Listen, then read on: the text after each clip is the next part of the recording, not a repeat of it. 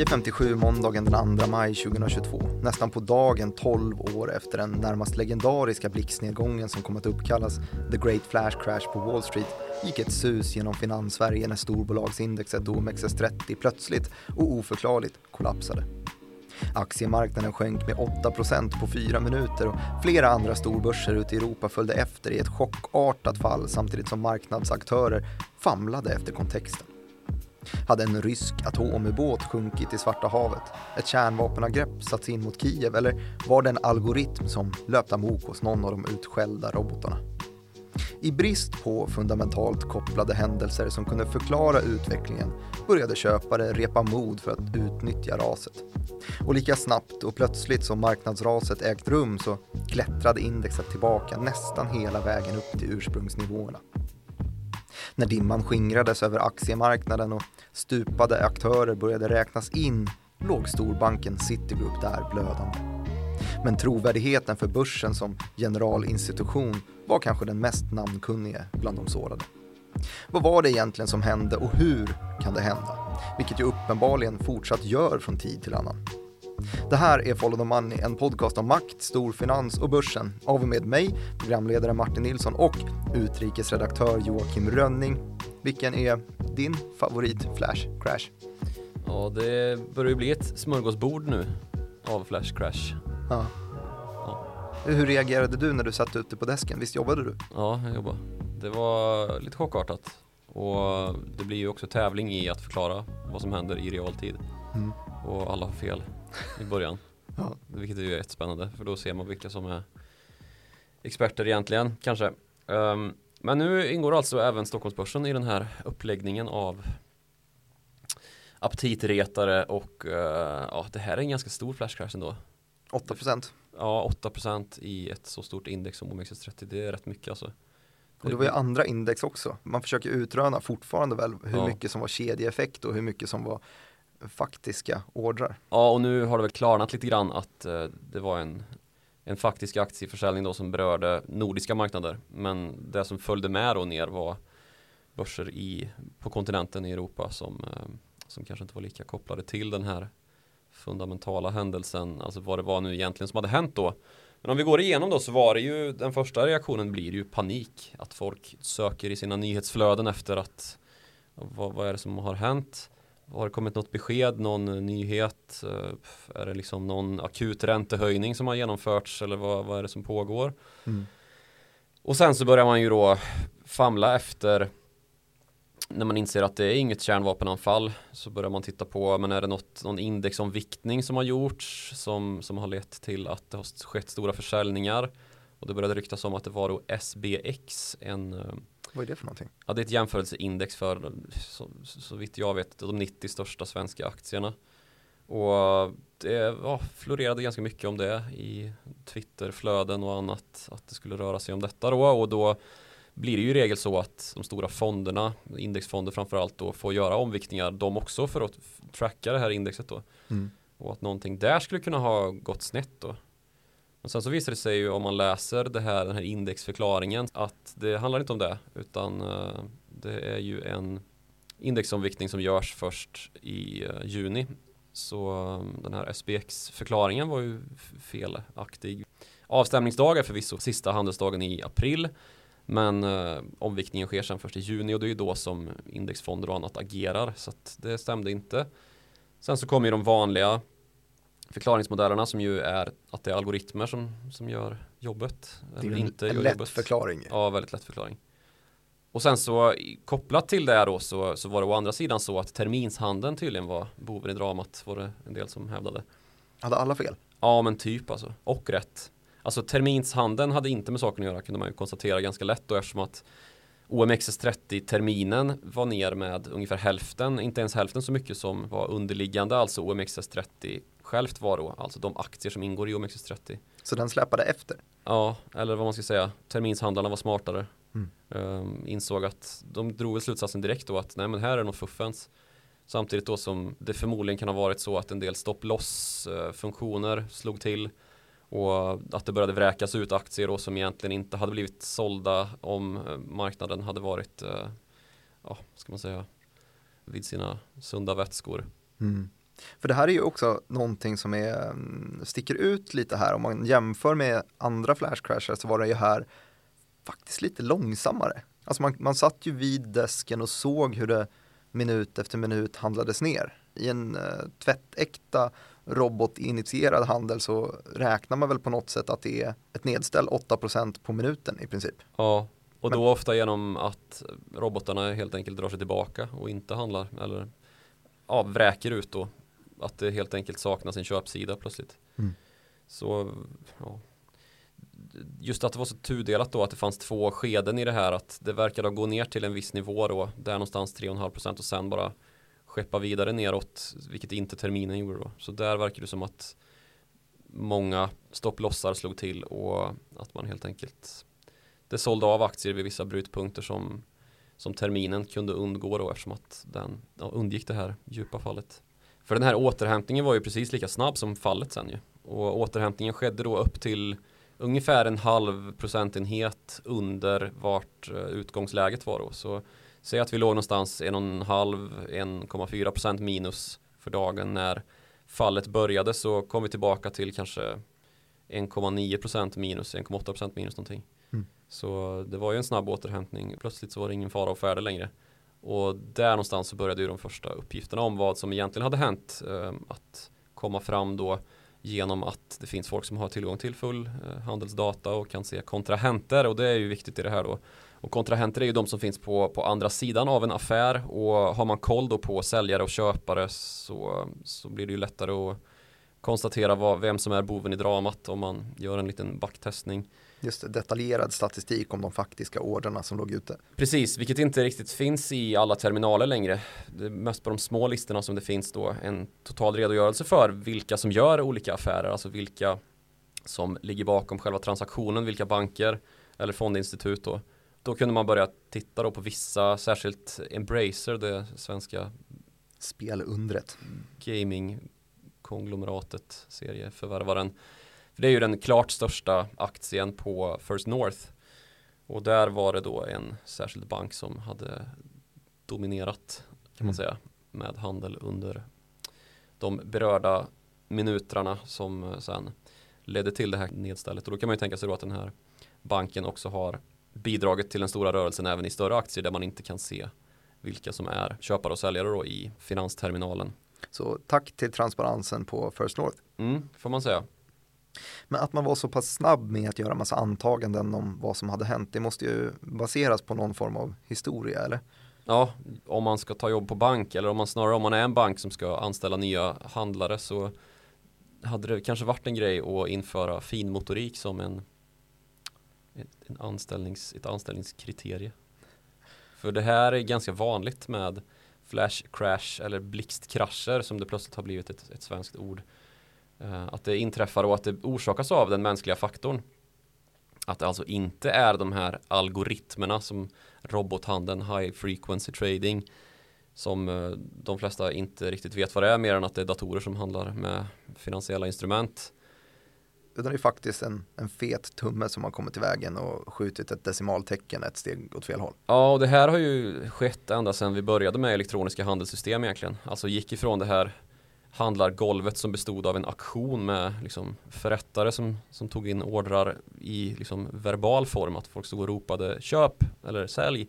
Och eh, att man istället överlät den här handeln i gropen som det kallas på börsen till då att det började ske inuti datorer. Och att det helt enkelt sker på ett tangentbord egentligen. Så du menar att det, det fanns en liten fail-safe i att man, man var tvungen att gå ner till banken och lämna in sin, sin order för att ja, köpa. Då äh, sitter en motpart där och läser lappen och säger, är du säker på det här? Lite så. Mm. För det finns ju en jättelång historia då, som sagt, ända sedan vi började med elektroniska handelssystem. Det finns liksom historier om eh, folk som har råkat sätta armbågen på tangentbordet och komma åt enter och plötsligt skickat iväg en order som liksom säljer av bankens halva innehav och eh, att det vållar liksom förluster på tiotals miljoner dollar eller pund eller vad man nu handlar i.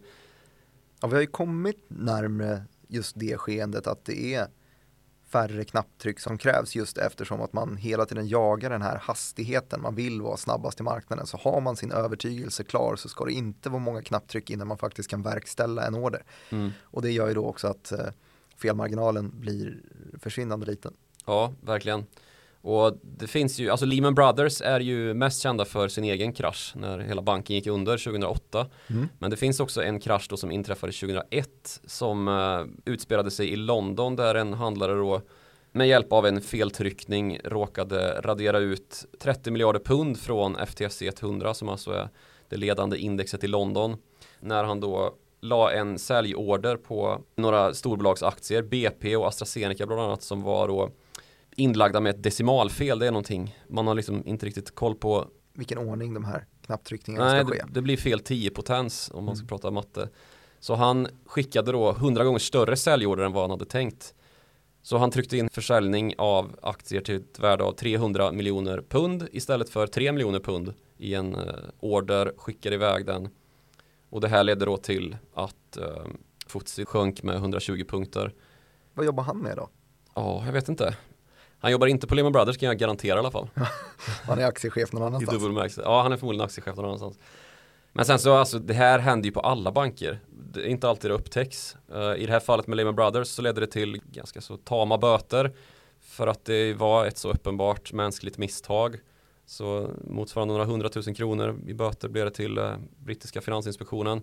Ja, men det utfärdas ändå böter för den här saken. Ja, det gör det. Men man, alltså, man kan väl anse att liksom förlusten för banken i sig är ju betydligt större än vad den är för någon annan. Så att straffet är liksom redan avtjänat egentligen när, när böten ska dömas ut. Jo, men det finns ju som, som jag läste i introt också ju eh, fler som blöder såklart. Mm. Att det är ju något form av nollsummespel ändå om det betyder att aktiekurserna kommer upp till ungefär samma ursprungsnivåer som det var tidigare. Men däremellan har ju folk hunnit göra fel. Mm. Både sofistikerade investerare och mindre sofistikerade. Kanske övervikt på de som är lite sofistikerade för att i det här fallet så vid en flash crash så utlöses ju rimligtvis ett gäng stopplossar om man använder sådana. Och de använder ju i högre grad mer vana börshandlare än eh, de allra mest novisa. Ja, så är det ju absolut. Ehm, Så de har alltså eh, automatsålt någonstans mitt Ja. i nedgången. mm. Då sitter man där. Mm. Det är lite dumt kanske. Det är dåligt för marknaden. Ja, Vi kan prata lite mer om det sen, men jag vill först gå igenom den stora flashcrashen. För den här Lehman Brothers-händelsen med 120 punkter på FTSE, det är ju liksom stort nog, men det är ingenting mot vad som hände i, i USA då, i, på Wall Street. Den 6 maj 2010, klockan 14 och 32 lokal tid, då faller marknaden fritt i USA. 1000 miljarder dollar i värde rakas av den amerikanska aktiemarknaden på ungefär fem minuter. det är nästan ett halvt Apple. Det är det. Och sen lika snabbt då så studsar det tillbaka hela vägen upp. Folk sitter och gapar vid eh, handlardeskar och tittar på sina skärmar och undrar är det något liksom räknefel i alla index samtidigt här? Någon som har liksom kommit åt något system och tryckt på enter och flyttat en decimal någonstans eller vad är det som händer? Eller är det kärnvapenkrig eller är det Ja, men det var samma där då att det SPX? Eller visade sig att det var det inte. Nej. Men eh, de närmaste månaderna så sker en utredning för det var ju ingen som visste vad som hade hänt. Hela den här dagen var liksom ett stort frågetecken över vad, vad, vad var det här egentligen? Mm. Och det, alla förklaringar var just så här preliminära och ryktesbaserade och hypotetiska över vad det var som skulle kunna ha skett då. Sen kommer en första rapport på ett hundratal sidor och det nämns ingenting om någon manipulation. Det är fortfarande väldigt oklart, ingen som riktigt vet vad som har hänt. Och det finns ingenting som säger att det skulle vara någon enskild tradingverksamhet som nyttjat en lucka i systemet eller sådär och i så fall vilken den luckan skulle kunna vara.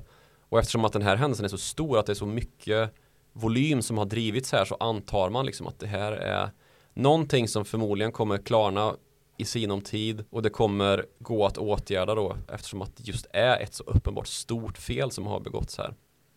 Men vad det är lämnas fortfarande i det fördolda då. Och utredningarna liksom leder ingenstans för det fortsätter ju i flera instanser.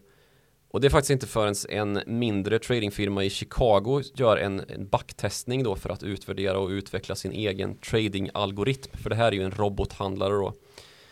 Så uppdagas det vad som egentligen vad som hände den 6 maj 2010. Vilket för spåren till London. Vad händer där? Och vi backar klockan tillbaka några år och till berättelsen om en kille som heter Navinder Sarau. Han bor i London, alltid varit ganska så skarp på matte och när han lämnar skolan så har han ingen riktig plan för vad han ska ägna sig åt.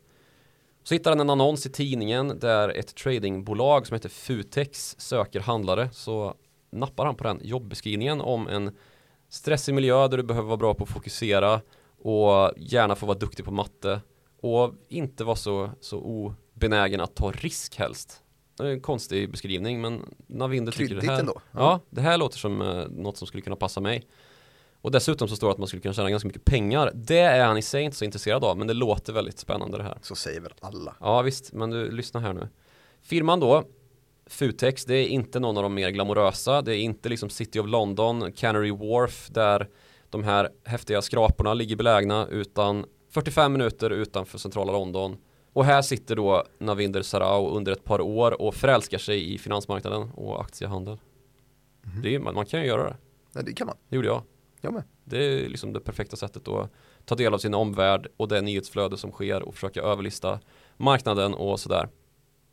Och han blir under några år då väldigt, väldigt duktig på just detta då att bedöma marknadens riktning om det händer någonting som ska göra att det går upp eller ner och, och helt enkelt vara smartare än sina konkurrenter som försöker göra samma sak då. Han blir väldigt, väldigt duktig på det. Och hans favoritinstrument är det största, alltså han handlar med S&P 500, det amerikanska breda indexet, en så kallad E-mini som följer just hela indexet, inte några enskilda aktier utan just det amerikanska breda indexet med 500 av USAs största bolag som då är eh, börsnoterade. Och det är ju också den kanske bästa indikationen på vart någonstans marknadsläget ligger just nu då. Och som jag sa så är det här några år tidigare än 2010 vi pratar nu. När Navinder Sarau gör sig sin karriär inom finans på det här lite slitna handlargolvet som då är Futex. Där han nästan kommer bli lite av en legend då för att han gör så pass stora pengar med andra handlare som ja, inte är några proffs egentligen utan som mer eller mindre har hamnat där. Sen kommer 2008, det är mitt i finanskris och då bestämmer sig Navinder för att nej men jag lämnar Futex, jag har en bättre idé om vad jag ska göra nu. Och den idén får han då trots att nämnda Lehman Brothers just har kollapsat. Vid det här laget så har Navinder Sarau dragit in ungefär 2 miljoner dollar och med en marknadskrasch i ryggen så inser han att vad världens ledare har att ta ställning till just nu det är liksom att uh, rädda världsekonomin och regeringar kommer behöva komma in här och städa upp i spillrorna av en kollapsad finansmarknad annars kommer hela världsekonomin att helt ofrånkomligt haverera och vi kommer hamna i en djup och förödande depression så han tar då ett bett och placerar alla sina motsvarande 2 miljoner dollar och sätter då på bästa möjliga sätt genom att satsa på en snar börsuppgång. Och när regeringarna väl kliver in då och börjar rädda marknaderna så har Navin Sarau bettat allt han äger och har då på en återhämtning som kommer ske snabbt. Bettet läggs in på en fredag och på måndagen aviserar USAs regering via president George Bush den så kallade Emergency Economic Stabilization Act och TARP eller Troubled Asset Relief Program som då går ut på att köpa värdelösa tillgångar från banker för att rädda marknaderna från sin egen undergång. Och det här paketet innehåller också stora stöd för industrier och kommer snart då att replikeras av flera europeiska stater och i andra länder i Asien, Australien och på andra håll i världen då. Så på en vecka från det här tillfället när Navinder Sarau har lagt in sitt stora 2 miljoner dollar bet på att S&P 500 ska kliva upp så gör det, också 19% och hans kraftigt turboladdade position då som är med duktiga hävstänger har gått från 2 miljoner dollar och klättrat till att plötsligt vara värd 15 miljoner dollar. Bra jobbat. Mm, det är en stark trade. Men här någonstans så har också någonting skett i den allmänna marknadslogiken som Navinder Sarau då har haft svårt att förhålla sig till och det är det att high frequency trading har kommit igång. Är du sugen på att ta en faktaruta om high frequency trading? Jag kan ta en liten fakta ja, om high, high frequency jag trading. Lite. Eh, det heter högfrekvent handel på, på svenska ju. Och det handlar ju just om det här skeendet att man har gått från att snittpositionen man håller på börsen är i ett par veckor till att några år senare då när vi är framme här i 2010 ungefär så är snitttraden hålls i ett par sekunder ungefär. Det finns någon statistik på det där. Och det visar ju då att det är väldigt mycket handel som sker datoriserat, robothandel. och som följer då algoritmer. Och den här högfrekventa handeln som verkligen kickade igång då var ju då när man insåg att ordrar skickas ju till viss del via orderläggningar på banker men också manuella handlare som dagens Avanza eller Nordnet eller vad det kan vara. Och när de gör det till en ganska långsam uppkoppling och de sitter ganska långt ifrån börsgolven så kan man genom algoritmiskt vis se att ordern är lagd plocka upp den. Om man ser att en säljorder är lagd från Avanza på H&M till exempel så plockar man den säljorden om man ser att titta det finns en köporder som läggs på Nordnet samtidigt men som heller inte riktigt har nått marknaden än. Men det är en mellanskillnad mellan dem. Så då köper man säljorden som skickades från, från Avanza och säljer det till den här säljorden som har skickats från Nordnet och så plockar man det genom mellanskillnaden där och eftersom att det här handlar om om mindre än millisekunder så spelar det väldigt stor roll eh, att man har en extremt bra uppkoppling och det är här man började prata om att köpa upp fastigheterna närmast handlargolven så att man kunde kapa latensen mellan att orderna läggs. Dra kabeln direkt och sen så? Dra kabeln direkt in i Nasdaq serverrum ja. ungefär. Ja men det, det gick, drogs ju till sån absurdum att det finns anekdoter som menar att de allra bästa tradersna på firman de fick ta de kontoren som låg ja, några meter närmre mm. eh, börsen. Så att man skulle kunna spara ännu lite tid. På hur, länge tog det att göra, hur lång tid tog det att göra en sån här trade sa du? Ja, milli milli. Mindre än några millisekunder. Mindre än några millisekunder. Det är, det är väldigt snabbt. Ja. Men det, man har ju helt enkelt liksom kodat in ett skeende som brukar ske i människors hjärnor i en datorprogramvara som gör samma sak fast i enormt hög hastighet om vi ska förkorta den där faktarutan till en bildtext. Just det. Ja, så överföringar av information till beslut och agerande baserat på algoritmer är då modellen istället för som brukligt att man går via mänskligt öga till en hjärna som ska förstå någonting och fatta ett beslut och sen att en hand ska trycka på enter liksom. Just så. Ja. Och det här är ju högt, högst kontroversiellt, även om det pågår än idag ju. För att man ställer sig då frågan, men vänta vad tillför det här? Om det har kommit en köporder och det har kommit en säljorder och de kommer mötas någonstans, vad tillför det då att det kommer in någon sidoaktör och tar mellanskillnaden mellan dem? Det är ju inte faktiskt likviditet i marknaden utan det är bara något mellantjafs som någon tjänar väldigt mycket pengar på. Mm. Men om man tar till exempel en oljeprisförändring så, så kan man ju använda den för att konstatera då, oj här finns det ju ett oljebolag eller en oljebolagsaktie som inte ser ut att röra sig tillräckligt snabbt då i paritet med oljepriset. Och då kan man tänka, jag köper aktien och säljer den när priset har korrigerats då till rätt paritet mot oljepriset. Just så. Och så har man gjort en liten mellanskillnad, precis som i ditt exempel med eh, köp och säljordrar. Men där tillför det ju likviditet på ett annat sätt. Ja, precis. Så det finns ju både upp och nersidor med det här och det finns både liksom ganska välformulerad kritik och välformulerade argument för high frequency trading. De har ju råd att spetsa de där argumenten också. Ja, det kan man säga. Många av de här firmorna som har tjänat allra bäst pengar på det här är ju några av dem som ganska avskydda av många där ute. Mm. Um, och det är ju i den här kategorin som man också brukar prata om folk som lyckats med konststycket att beat the system eftersom att det är typ det man gör ganska ofta.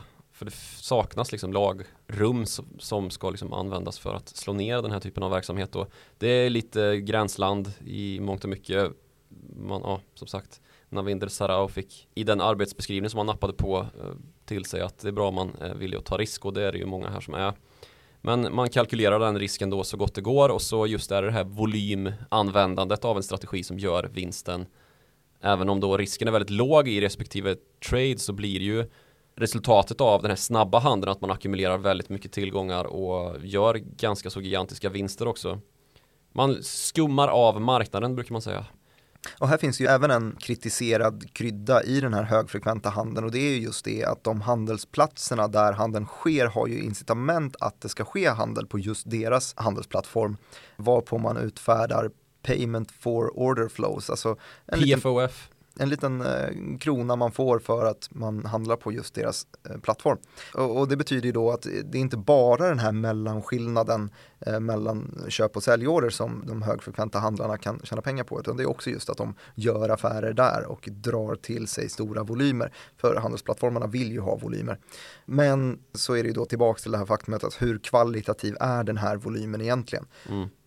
Jo, för det är som, jag sa, tror jag, eh, att liksom likviditeten brukar ju dra sig tillbaka i händelse av för hög volatilitet. När marknaden blir för svårberäknad så går ju de här algoritmmodellernas risk upp mer än vad som är liksom brytningspunkten för just risken då. Och då slutar de agera. Mm. Och det är ju i de lägena som likviditeten behövs som allra mest. Exakt, så det är att... inga, inga market makers, inga garanter direkt som kommer ligga där ute när det stormar. Utan Nej, det är precis. bara det är ju någonting som man bör problematisera då i förhållande till HFT eller High Frequency Trading eller vad var det du sa? Högfrekvent handel. handel. HFH. HFH ja. Men tillbaka till Navinder Sarau, vad hände? Jo, um, det här då att robotarna tog över den sorts handel som Navinder Sarau hade blivit så pass duktig på var ju besvärligt för honom då. Så han bestämde sig helt enkelt för att skriva ett eget program. Sånt kunde han också. Duktig. För att liksom störa de här robotarna. Inte bara skapa en egen robot utan för att störa andra robotar och helt enkelt dra vinning av hur de arbetade då. Just det, så kunde man lista ut deras algoritmer och vara lite tajtare på pucken så kunde man kanske bara ta deras pengar. Ja, precis. Och han lyckas ju också. Problemet är ju bara att det är ju det här gränslandet också som vi har eh, det som brukar kallas för marknadsmanipulation. Just det, det finns ju lagstiftning. Ja, så här finns det då en, den här konflikten som fortfarande är ganska så olöst fortfarande. Vi såg ganska mycket av den här varan när vi hade GameStop-hypen här i början på 2021 när plötsligt alla skulle diskutera high frequency trading och hedgefonders vara eller icke vara. Ja, precis. Och Såga Citadel då som ju är en av de här aktörerna som tillgodoser just högfrekventa handlare med sådana här payment for order flow lösningar och sånt.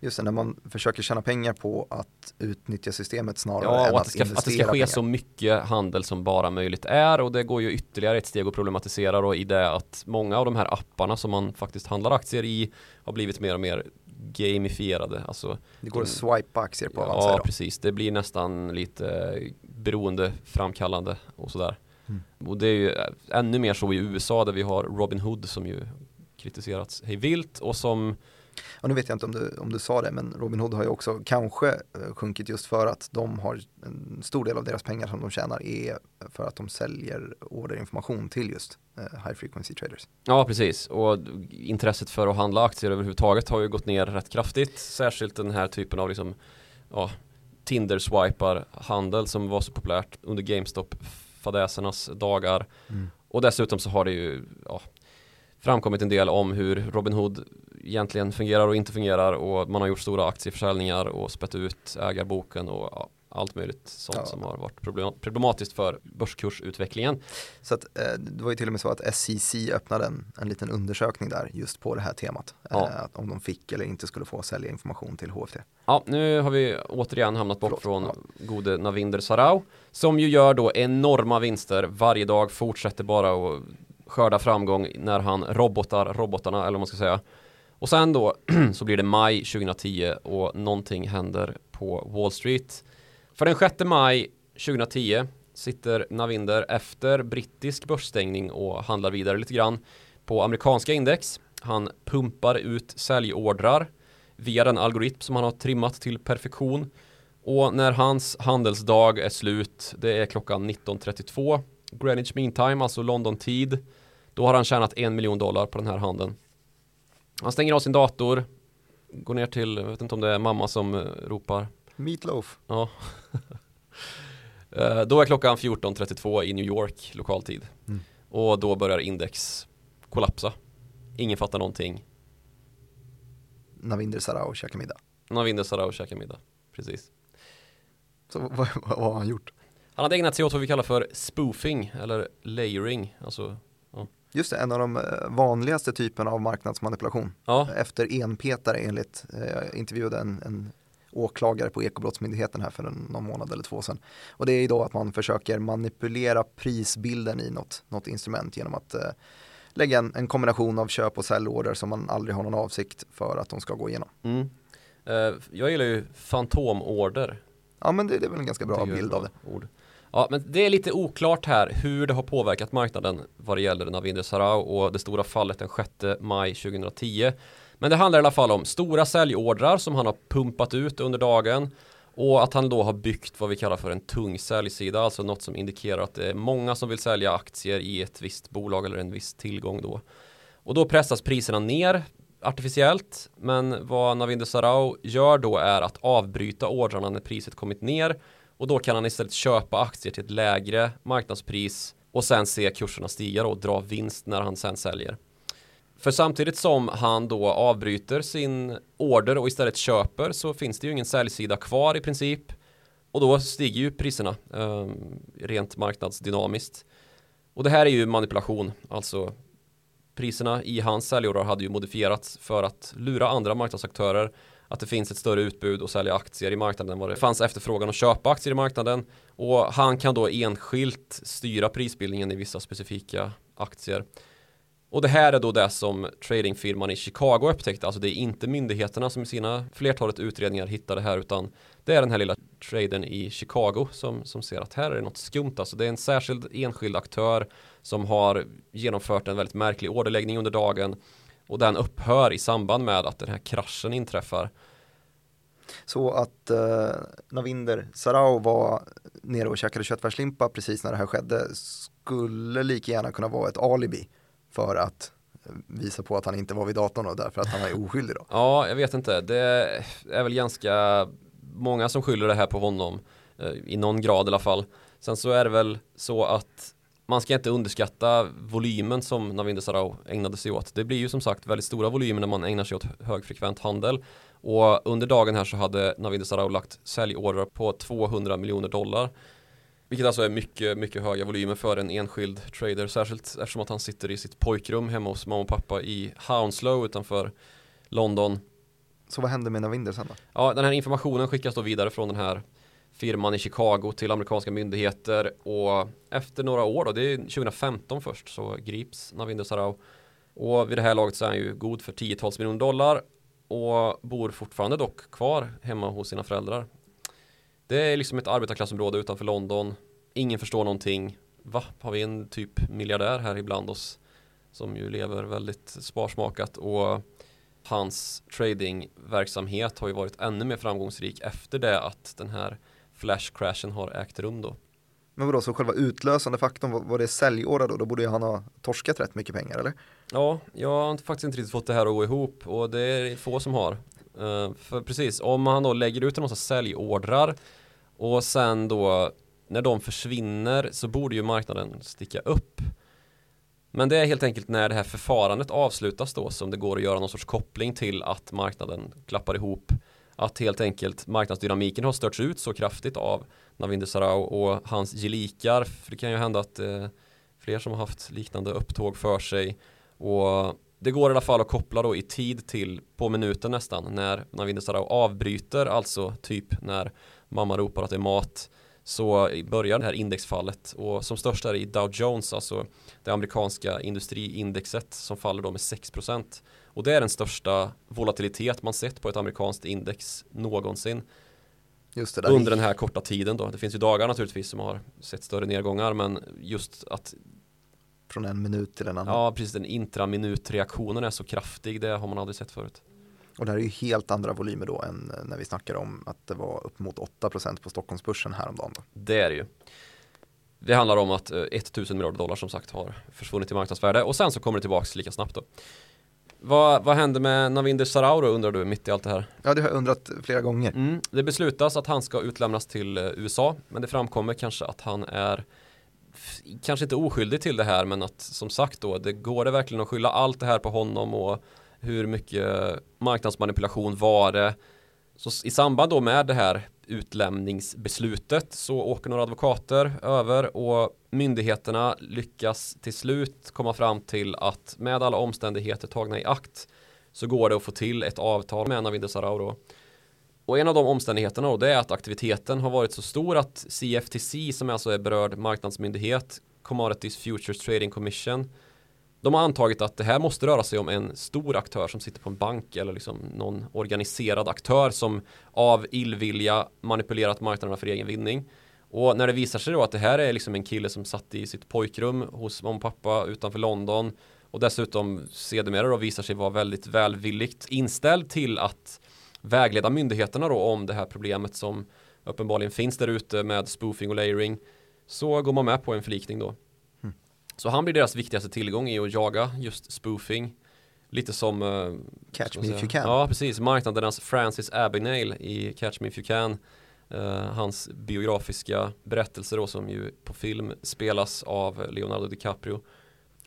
En uh, checkbedragare som uh, lever på att förfalska i, i många år som sen då när han blir påkommen får bli expert åt amerikanska myndigheter istället. Ja, eller när han grips snarare för det är katt och råtta lek ett tag där. Just det. Tom Hanks som mm. jagar Leonardo DiCaprio. Det är en bra film. Mm, det är det. Ja, de har sett lite för många gånger bara. Så Navinder Sarau då, som sagt, han grips 2015 och sen pågår rättsprocessen. Och han, det slutar med att han får ett års husarrest då i samband med den här förlikningen. Alltså förlikning är det ju inte riktigt då kanske, eftersom att då brukar det ju sluta med att man får en liten bot. Och går inte med på att man har gjort något fel. Så det här handlar väl snarast om strafflindring egentligen om man ska vara korrekt med sin juridiska. Men han avtjänar ju sin husarrest under pandemin med alla oss andra. Så mm. om man ska vara lite så här eh, poetisk i sin rättvisetolkning så kan man ju säga att han uh, verkligen kommer undan ganska så lindrigt. Man fick inte trada under tiden i alla fall. Nej, och sen så visar det sig också då att Navid Sarau, han har ju en plats på autismspektrat. Jag tror han diagnostiseras med Asperger och det har ju visat sig också att han, han har ju blivit lurad på alla de här pengarna. Så han har ju ingenting kvar. Mm. Uh, och får ju inte handla naturligtvis, nej. Så han under sin tradingkarriär så kan man då se en vinst om ungefär 70 miljoner dollar som han uh, tjänat in och av de här så har han alltså noll och intet kvar. Han bor fortfarande i samma hus i Hounslow med sina föräldrar. Allt annat lika. Oh, och i historien om honom så har han ju fått namnet The Hound of Hounslow. Det är en väldigt mytisk och härlig berättelse ändå att den här killen då som satt i sitt pojkrum och tjänade multum och lyckades då välta i princip på samma sätt som hände här den 2 maj i Stockholm 2022 på samma sätt lyckades han med ett ännu större index. Och det säger ju någonting om att det behöver inte vara jättestora aktörer och att marknadsdynamiken helt enkelt är ganska så skör i det här gränslandet där man utvecklar saker som det inte finns lagtäckning för att liksom följa upp ordentligt eftersom att tekniken går före själva juridiken så är det ju alltid och dessutom när det ska handla om robotar som genomför aktivitet i ett finanssammanhang så blir det liksom det blir ju multiplikator på hur långt tekniken springer i förväg jämfört med juridiken eftersom att det är regler i flera olika inrättningar som ska liksom tas med i beräkningarna. Så man kan väl säga ändå att eh, Navinder Sarau ändå har betalat tillbaka i mångt och mycket genom att då bli en nyckel i att få ordning på, eller eh, få ordning på, det har vi haft problem med långt senare, men sätta ljuset i alla fall på vad spoofing och layering är och att liksom få bort det från marknaden så gott det går, eller börja få bort det från marknaden, för det här är någonting som pågår och att man då kan återupprätta lite av det förtroende som gick förlorat för marknaden, för det är ju det stora problemet med den här typen av händelsekedjor, att folk som kanske tidigare sett på börsen som en trovärdig institution börjar lite grann, vad, vad är det som händer här egentligen? Det här ser mm. inte seriöst ut. Mm. Apropå seriöst så någon, någon, sårbarhet i marknaden, då kommer jag att tänka direkt på pandemi oljebotten där, där eh, futureskontrakten mm. plötsligt hamnade på negativt, minus 40 dollar per fat under en dag. Ja. Eh, är det uh. också, kan man tillräkna det en flash crash eller är det något helt annat? Nej, jag vet inte. Men det, där var det ju också ganska lätt att se att här är ju någonting som inte riktigt stämmer. Det här är ju någon sorts utom eh, logisk påverkan som har slagit till ju. Och mycket riktigt så ledde ju spåren även där till eh, London, eller Essex rättare bestämt. Och ett gäng traders som då dragit hem 660 miljoner dollar under den här handelsdagen. Och naturligtvis så inleds det ju utredningar även här. Och de pågår faktiskt fortsatt här när vi sitter här 2022. Men det är då kring ett gäng som kommit att kallas för The Essex Boys. Det här handlar om några polare som formerat sig kring en ganska så rutinerad handlare som suttit på ända sedan det fanns de här trading pitsen och eh, handlargolv då, alltså trading grop i ett eh, mellanskede när livehandel började gå över mot elektronik då. Och den här tidigare gentlemannamässiga fysiska handeln i eh, auktionsförfarande började liksom avta där det inte längre var folk med Oxbridge-utbildning i historia och litteratur, Oxbridge, alltså Oxford och Cambridge den typen av snubbar. Utan att det istället började bli mer och mer slängigt och folk som satt och skrek i telefoner och knappade på datorer. Så vi pratar alltså om en mycket rutinerad herre som då har skapat ett bolag som heter Vega Capital London. Och den här firman är då den som gör den allra största vinsten av den här kraschen som tar ner VTI-terminerna till minus 40 och VTI-termin då, vad, vad är det för något? Uh, West Texas Intermediate. Ja, precis. Oljan. Det amerikanska oljeterminer, det är det allra mest handlade kontraktet i oljemarknaden. Och det skillnaden från en, en termin då jämfört med en option om man ska vara lite nördig här är ju att terminen innebär att du måste ta emot leverans av den underliggande varan. Just så det. alltså om du köper en termin i VTI då måste du faktiskt ta emot tusen fat med West Texas Intermediate olja helt enkelt. Så det är bara att tömma poolen och om man har någon. Om man har någon. Eller gräva en, gräva en grop någonstans. Fylla handlargropen. Ja, precis. okay. ja, så det här är då en, en liten, liten firma i London så det är, det är väldigt uppseendeväckande att en så liten firma kan göra sig så här stora pengar. De har liksom knappt en hemsida, inga kopplingar till någon och när det här händer då så vill ju naturligtvis alla veta mer om vad är det här för lirare. Och det man kunde hitta då är den här kompiskretsen där alla tjänat enorma pengar på handel i oljekontrakt.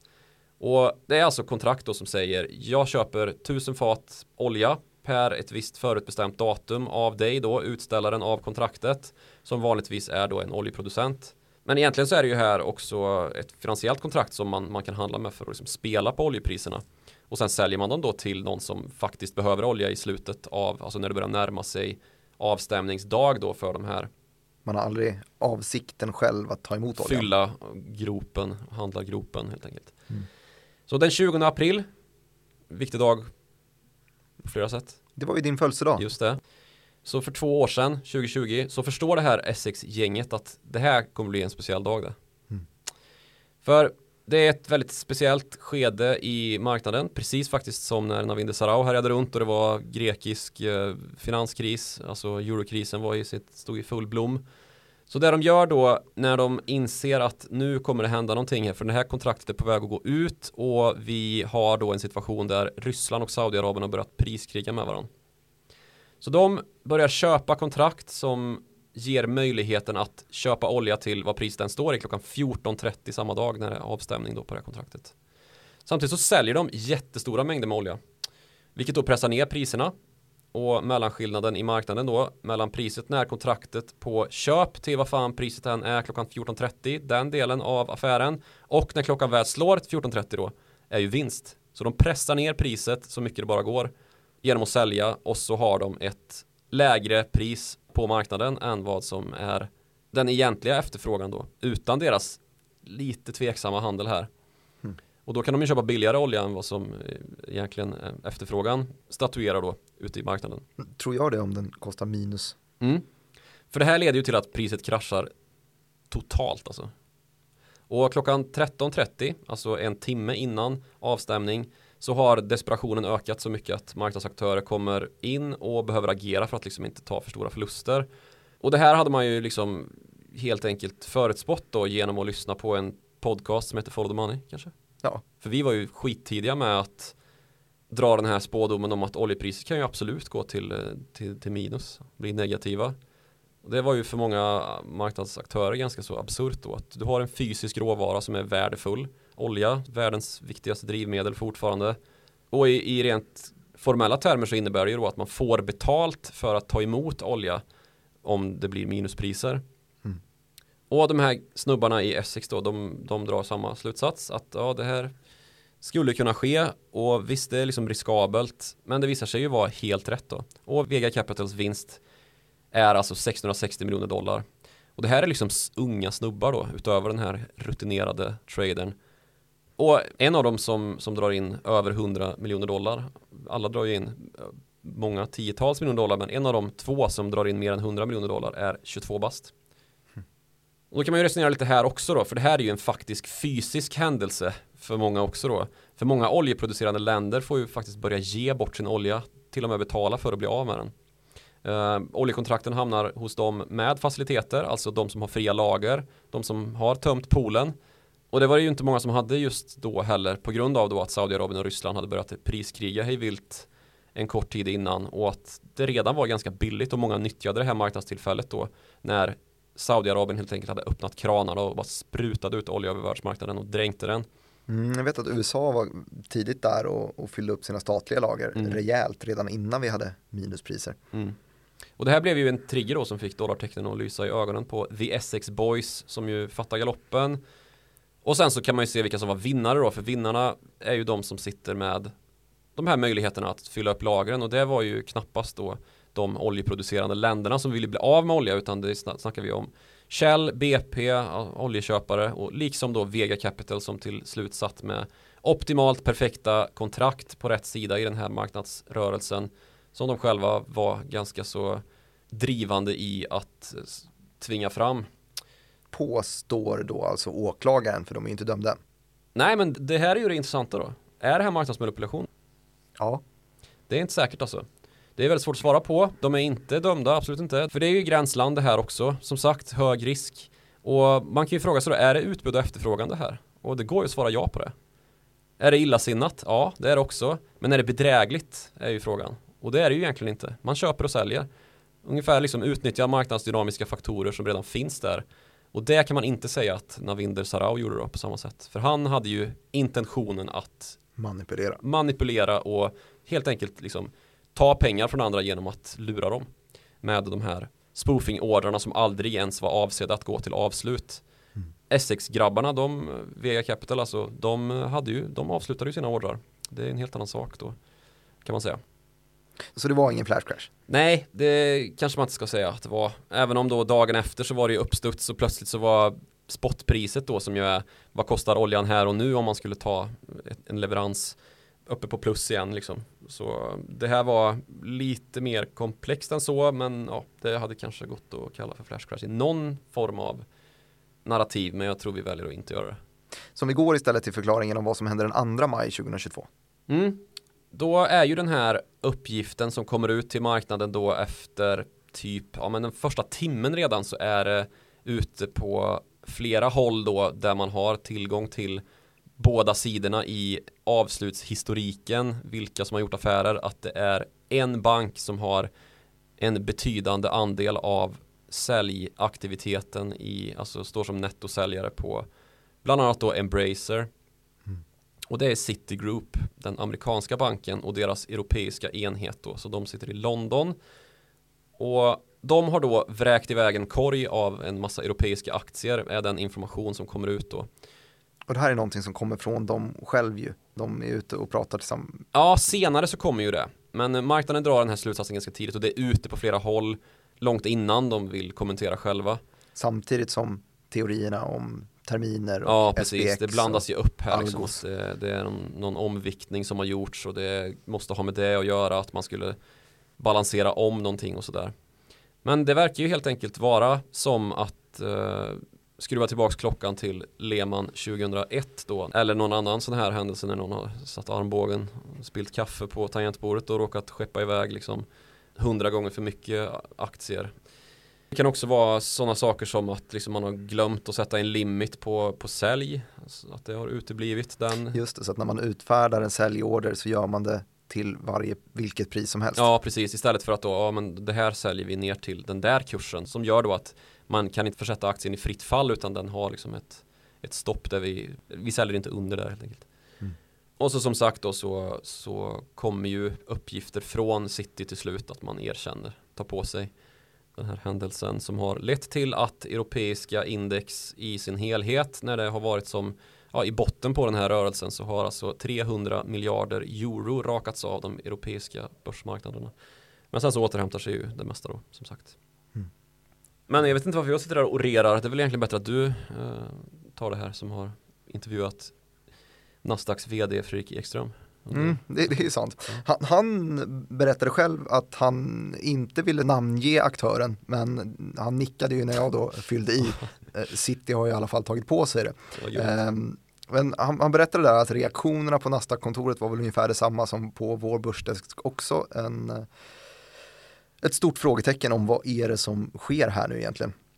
Eh, men han menar ju då också att det, är, det vi vet om idag vad som hände när man har kollat i orderböckerna är just, det stödjer den här teorin då, att det är eh, en stor aktör som har lagt in en eh, antagligen felaktig säljorder och i sin tur så Säljorden kunde han inte säga så mycket om, eh, om storleken på den, men den skulle vara betydande då och det förstår man ju. Men att det kanske inte i sig är den som trycker ner index 7-8% utan det är snarare så att det här spär på, eh, skapar någon form av kedjereaktion, att eh, personer med stopplossar eller småsparare eller folk tar och agerar i den här marknaden och gör att raset fortsätter ner lägre än vad den enskilda orden hade gjort i alla fall. Mm. Eh, men som sagt så återhämtade sig och en del i narrativet finns väl också att hitta i Citigroups uttalande att de säger att de försökte korrigera positionen så snart som möjligt. Men det har vi ju sett också idag, det var ju du som påminner mig om att nej, men vi ser ju dem i orderböckerna idag också, dagen mm. efter flashcrashen. precis, så är ju City tung på köpsidan i Embracer.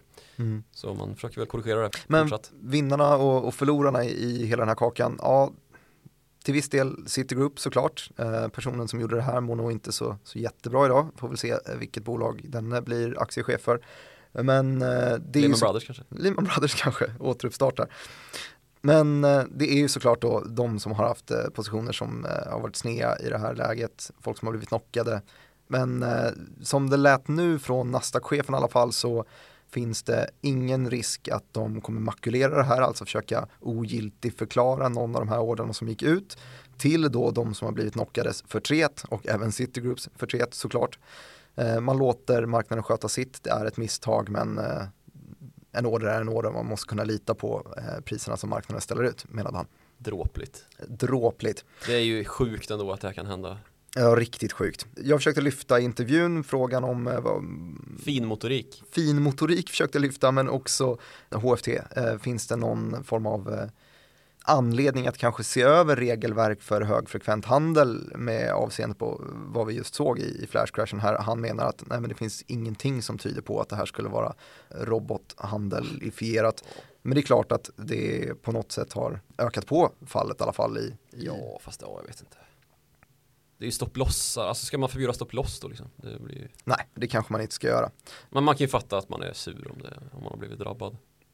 Men jag frågade då honom såklart, vad var det som gjorde att det bara föll 7%? Skulle det lika gärna kunna fallit 77%? Varför och varför inte? Och han menade där att nej, det är eh, ordentligt osannolikt att det skulle kunna gå att göra det. Det finns eh, automatiska stabilisatorer i börsförfarandet och det är då alltså vid enskilda aktier när man ser att volymer har triggats och kurser ställs ut som är markant lägre eller högre än vad de var tidigare så blir det små mikropauser i handeln i aktierna. Alltså att man låter det bli ett litet auktionsförfarande, låter köpare och säljare mötas, matchar eh, orderböckerna och eh, ger andningspaus. Och det är väl kanske det man kan se också, man plockar upp den här kraschen vi fick då igår klockan typ 9.57 så ser man att det faller skarpt och sen så blir det som en liten andningspaus, sen faller det lite till skarpt, sen så blir det en liten andningspaus. Mm. Så det är kanske just de här som eh, triggas. Det är ju inte en sekund ner, en sekund upp, utan vi snackar ju om ungefär en kvart från eh, topp till botten och upp till topp igen. Mm. Har du tänkt på varför det aldrig finns så mycket diskussioner om eh, flash rip? Alltså Ja, jag tänkte på den, den frågan idag också ju, att eh, man har ju väldigt mycket om, om flashcrasher, de dyker upp då och då, plötsligt dyker index 7% men det är ju sällan man, man hör talas om att de sticker iväg 7% mm. och sen ner igen. Nej, jag tror att det beror på att det finns ju inte lika mycket volatilitet på uppsidan. Däremot så kan det ju diskuteras ibland bland traders att vad fan var det som hände där? Varför gick index upp med liksom, eller index, någon särskild aktie kanske snarast då, med 2% utan nyhet eller sådär. Och så brukar man hänvisa till Nej det var någon algoritm eller det var någon som skeppade ett block eller vad det kan ha varit liksom. Mm. Eh, dark pool handel som plötsligt syntes i flödet. Men det är inte riktigt lika nyfiket på den sidan. Nej, men, och sen så är det ju ja, stopplossarna gör nog sitt alltså. Mm, det, det finns inte samma sak på uppsidan. Nej, precis. Uh, men det borde ju i alla fall, om man tänker sig att det här är ett fett finger som har mm. gjort att man har hamnat där eh, så borde det vara lika sannolikt att man råkar göra den orderläggningen åt, på uppsidan som på nedsidan. Ja, och det händer ju naturligtvis. Men det blir inte lika investigerat. Det är inte lika intressant vad det är som har hänt då, tror jag. Folk blir inte lika ledsna när de plötsligt har råkat tjäna massa pengar. Nej, precis. Det finns ingen anledning att gå tillbaka och göra utredningar om sånt. Utan eh, då sitter man nöjt och räknar sina stålar istället. Mm. Men det är ju som sagt i alla fall ett stort slag mot en allmänna trovärdigheten på börsen. Ja, precis. Och sen så vill jag bara, om vi ska kröna några vinnare i det här också. Det känns ju ändå fräscht. Det finns ju en liten chans om City har gjort det rätt, att de är vinnaren i det. Ja, kan du förklara hur? Jo, men säg här att du, eh, att du säljer, trycker ner kurserna 3% och sen så är resten kedjereaktionsras. Mm. Så när du då bestämmer dig här som de i sitt uttalande berättade skulle korrigera positionen så är de nere och köper om de är Ja, ja, inom en minut. Det hade varit modigt om de vågade göra vinst på en sån här affär. jag Ja, det hoppas vi att de inte har gjort. Det lär de inte ha gjort. Men det finns ju som sagt helt oskyldiga vinnare och de hittar vi ju bland aktiva traders överlag. Som sagt det är ju mycket som snurrar i etern när sådana här händelser inträffar. Och jag hörde bland annat Claes Hemberg på TV4 som sa att nej det är nog max 10 pers som har hunnit köpa dippen. Vadå, det var ju en kvart som du pågick. Ja, och jag kan dementera det. För om det var 10 pers som hann köpa dippen så känner jag 11 av dem.